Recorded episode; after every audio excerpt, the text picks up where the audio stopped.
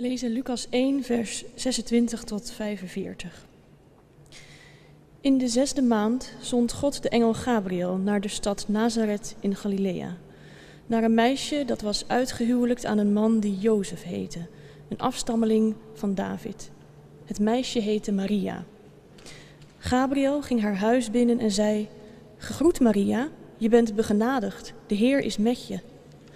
Ze schrok hevig bij het horen van zijn woorden en vroeg zich af wat die begroeting te betekenen had.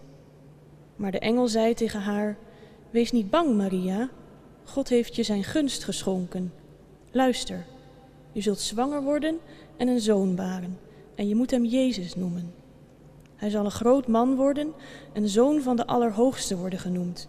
En God de Heer zal hem de troon van zijn vader David geven. Tot in eeuwigheid zal hij koning zijn over het volk van Jacob, en aan zijn koningschap zal geen einde komen. Maria vroeg aan de engel: Hoe zal dat gebeuren? Ik heb immers nog nooit gemeenschap met een man gehad. De engel antwoordde: De Heilige Geest zal over je komen, en de kracht van de Allerhoogste zal je als een schaduw bedekken. Daarom zal het kind dat geboren wordt heilig worden genoemd en zoon van God. Luister, ook je familielid Elisabeth is zwanger van een zoon, ondanks haar hoge leeftijd. Ze is nu, ook al hield men haar voor onvruchtbaar, in de zesde maand van haar zwangerschap, want voor God is niets onmogelijk. Maria zei: De Heer wil ik dienen, laat er met mij gebeuren wat u hebt gezegd. Daarna liet de engel haar weer alleen. Kort daarop reisde Maria in grote haast naar het bergland, naar een stad in Juda, waar ze het huis van Zacharias binnenging en Elisabeth begroette. Toen Elisabeth de groet van Maria hoorde, sprong het kind op in haar schoot. Ze werd vervuld van de Heilige Geest en riep luid: De meest gezegende ben je van alle vrouwen, en gezegend is de vrucht van je schoot. Wie ben ik dat de moeder van mijn Heer naar mij toekomt? Toen ik je groet hoorde, sprong het kind van vreugde op in mijn schoot. Gelukkig is zij die geloofd heeft dat de woorden van de Heer in vervulling zullen gaan. Gemeente van Christus, broeders en zusters. Dat is wel een prachtig lied, vind je niet? Wat we zojuist hoorden. We kennen het als de lofzang van Maria. Net de eerste helft ervan en straks de tweede helft, dan horen we het helemaal. Het is een typisch adventslied, zou je kunnen zeggen. Past helemaal in deze tijd. Kijk maar naar wie het zingt, de zwangere Maria, die straks de moeder van Jezus zal zijn, vol verwachting van Hem die komt het lied is helemaal vol inderdaad van verwachting. Laat volk bij volk tezamen barmhartigheid verwachten. Nu hij de zaligheid voor wie hem vreest bereidt. In de traditie van de kerk wordt dit lied ook wel het Magnificat genoemd. En dat heeft te maken met de eerste woorden in de Latijnse vertaling ervan. Groot maakt mijn ziel de Heer. En heel opvallend in diezelfde christelijke traditie wordt het lied ook buiten de adventstijd heel veel gezongen. In de evensongs in de Anglikaanse kerk bijvoorbeeld staat het Magnificat standaard in de orde van dienst. En in de kloosters klinkt dit lied elke dag tijdens de Vespers. Aan het einde van de avond, of aan het einde van de dag moet ik zeggen, als de avond invalt. Elke dag opnieuw weer die woorden. Mijn geest verheugt zich over God, mijn redder, want barmhartigheid is van nageslacht tot nageslacht voor wie God vrezen. Nou, dat zegt wel iets, denk ik. Een lied dat je het hele jaar door kan zingen. Een adventslied wat iedere dag actueel is. Moet je je voorstellen wat er gebeurt als je die woorden elke dag tot je neemt? Die woorden van Maria die gaan over een God die groot is en machtig en tegelijkertijd ook barmhartig en trouw. Ik denk eigenlijk dat in een lied als dit Magnificat het hele geloofsleven in een paar strofes wordt samengevat. En daarom past het ook zo goed in een dienst als vandaag. Een adventsdienst en tegelijkertijd ook een dienst waarin we het avondmaal met elkaar vieren. God, groot en machtig en tegelijkertijd trouw en barmhartig. Er is nog iets anders en daar kom ik zo meteen nog even op terug. Je zou dat lied van Maria ook een protestlied kunnen noemen. Dat blijkt vooral uit het tweede deel dat we straks nog gaan beluisteren. Waarin Maria de wereld als het ware op zijn kop gaat zetten. Machtige stoot God van zijn troon af. Een nederige verheft hij.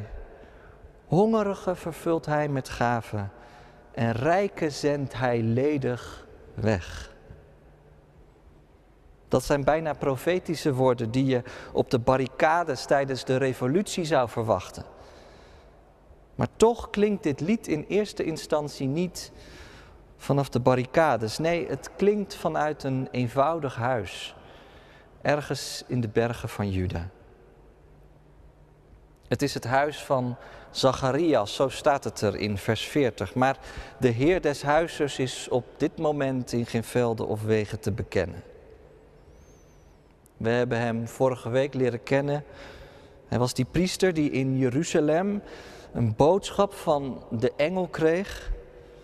Zijn vrouw zou op hoge leeftijd zwanger worden, maar hij had het niet kunnen geloven en hij had om een teken gevraagd en dat teken had hij gekregen.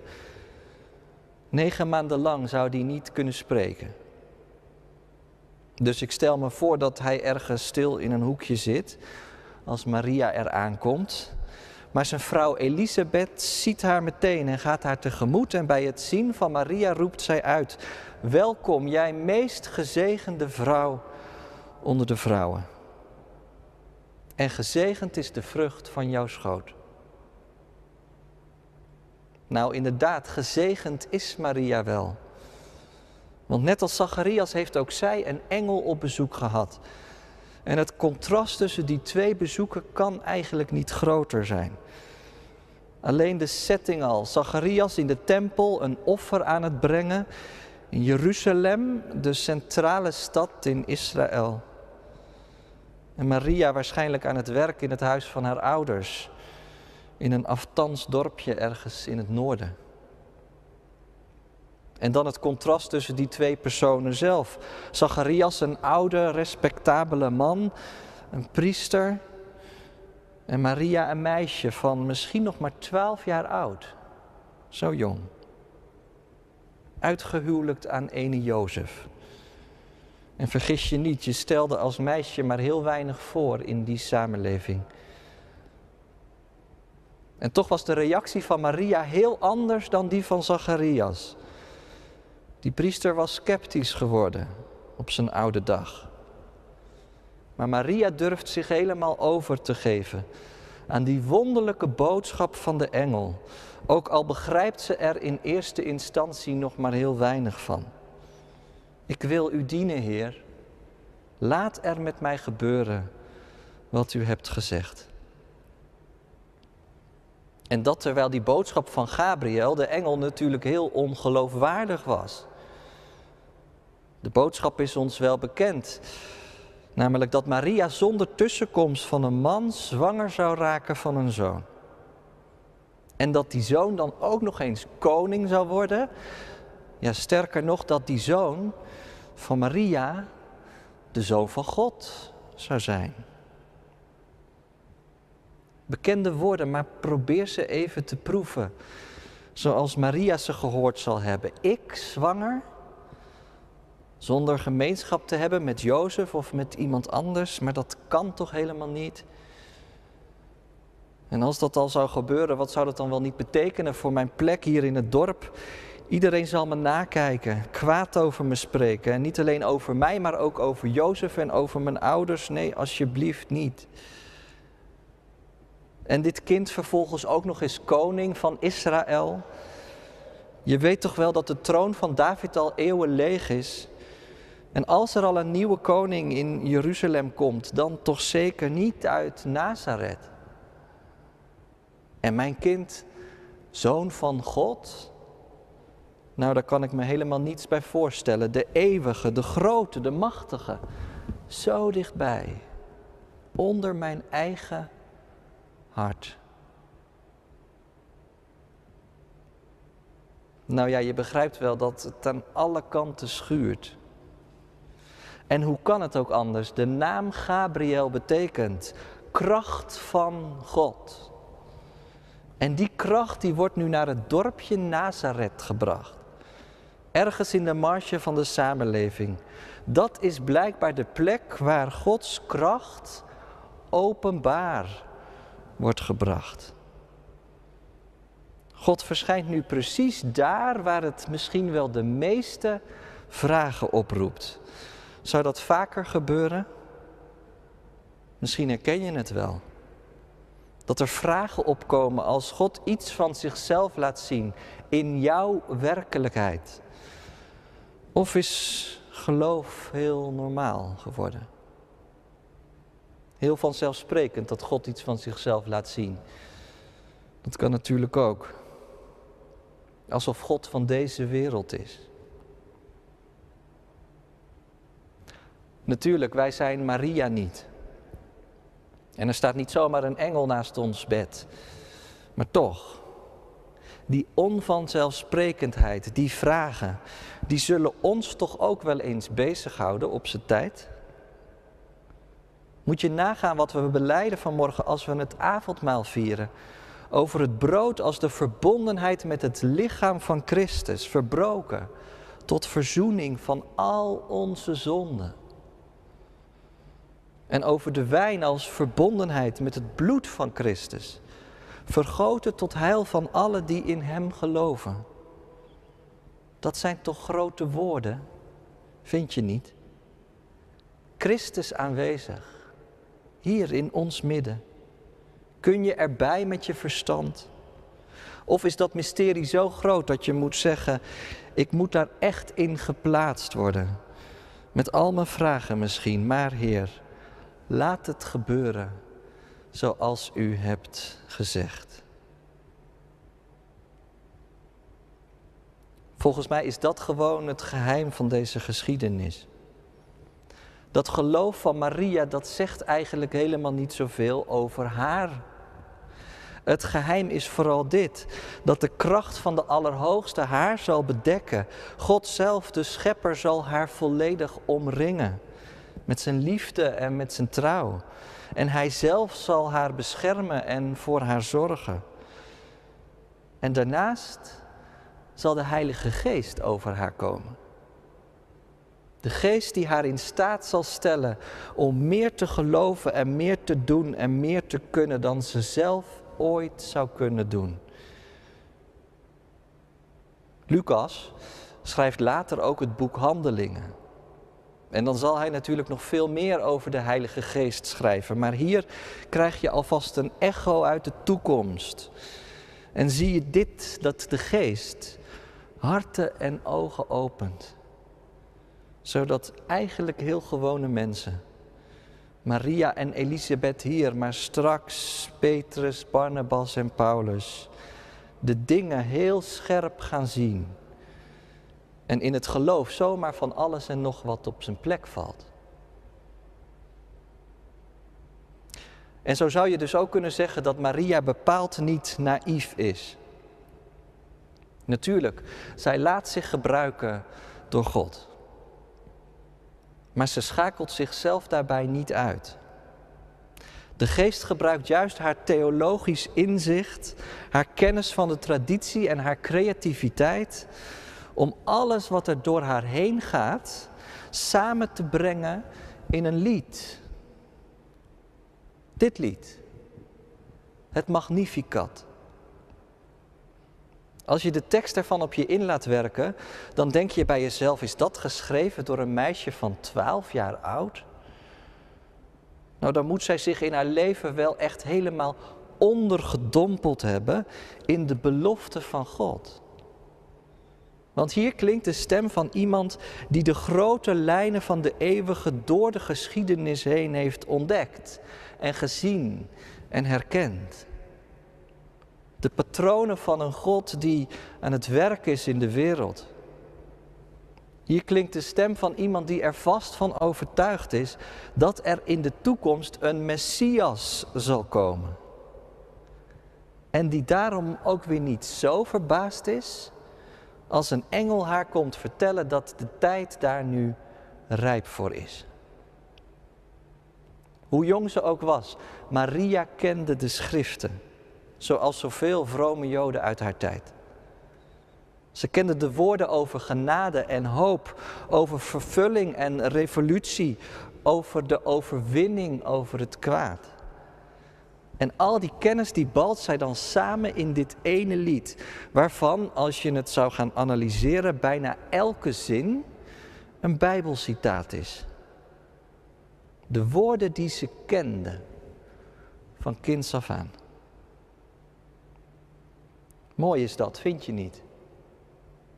Dat je hier iemand aantreft die de grote lijnen doorheen de geschiedenis durft te trekken.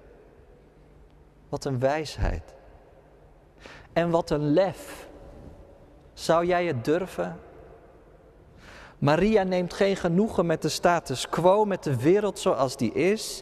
Nee, ze durft de belofte uit het verleden naar het heden te trekken. Ze durft te geloven. Is dat niet wat geloven is, inderdaad? De belofte van God naar het heden trekken. Je eigen leven in. Dat je er vast van overtuigd wordt, ja, maar die beloften, ze zijn ook voor mij. Deze God is mijn God. En met Hem durf ik de toekomst aan. Nou, één ding is dan wel zeker. Dat geloof zet je wereld op zijn kop. De kleine wereld van je eigen leven en de grote wereld om je heen. Kijk maar naar die lofzang van Maria. Ik zei het al, het is eigenlijk ook een soort protestlied. Je moet er zomaar eens goed naar luisteren. In dat lied worden allerlei vanzelfsprekende structuren namelijk aan de kaak gesteld. Des Heere kracht is groot, zijn arm verstrooid, verstoot, die hoog zijn in hun ogen. Hun tronen zijn niet meer, maar gunstrijk wil de Heer eenvoudigen verhogen. Wat groot is, wordt klein. En wat klein is, wordt groot. Dat is blijkbaar het patroon dat Maria heeft herkend in de geschiedenis van God met de wereld. En dat is het patroon dat ze door wil trekken, het heden in en de toekomst tegemoet. En als ze het zo bekijkt, dan is het ook inderdaad helemaal niet verwonderlijk dat de redder van de wereld nu precies hier in Nazareth geboren wordt. Hoe kan het ook anders? Dan dat deze God zich in de marge van de samenleving gaat openbaren. Op de plek waar je het niet zou verwachten in het donker. En misschien wel in de crisis. Ik vind dat ongelooflijk indrukwekkend. Deze woorden op deze plek en uit deze mond. Dat lied van Maria is eigenlijk een evangelie dat aan het evangelie voorafgaat. Een felle, heldere triomfkreet. 30 weken voor Bethlehem.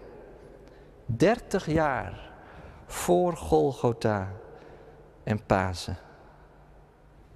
Alsof er al even een lichtstraal uit de toekomst in het heden binnenvalt. Het licht van Jezus Christus, Gods Zoon. Maria wordt er duizelig van, van opwinding, van hoop en van triomf. En dan tenslotte nog één ding. En dat is dit. Als je goed leest, dan zie je dat Maria vanaf het eerste begin niet alleen staat in dat geloof en in die hoop. Hier in Lucas 1 heeft ze al één geestverwant gevonden. Het is Elisabeth, haar nicht.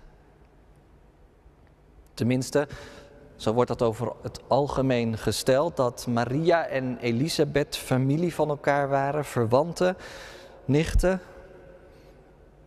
Zo wordt het ook gezegd door de engel tegen Maria, luister jouw familielid Elisabeth is ook zwanger. Het woord dat in het Grieks wordt gebruikt zou je letterlijk kunnen vertalen als van gelijke geboorte zijn. En misschien opent dat op een bepaalde manier nog wel een diepere laag. Want het zal waar zijn dat Maria en Elisabeth familie waren van elkaar. Maar het is zeker ook waar dat ze elkaar geestelijk hebben herkend. Niet voor niets springt het kindje op in Elisabeths buik als ze de stem van Maria hoort. En wordt ook zij vervuld met de Heilige Geest. Zou je kunnen zeggen dat ze allebei als het ware geboren zijn in dezelfde nieuwe werkelijkheid? Dat ze allebei ogen en oren hebben gekregen voor Gods stem en voor Gods rijk. Dat ze zich allebei nu hebben durven toevertrouwen aan Gods belofte. Ik vind dat een bemoedigend beeld. Dat Maria niet alleen wordt, dat Maria niet alleen wordt gelaten in haar overgave aan God.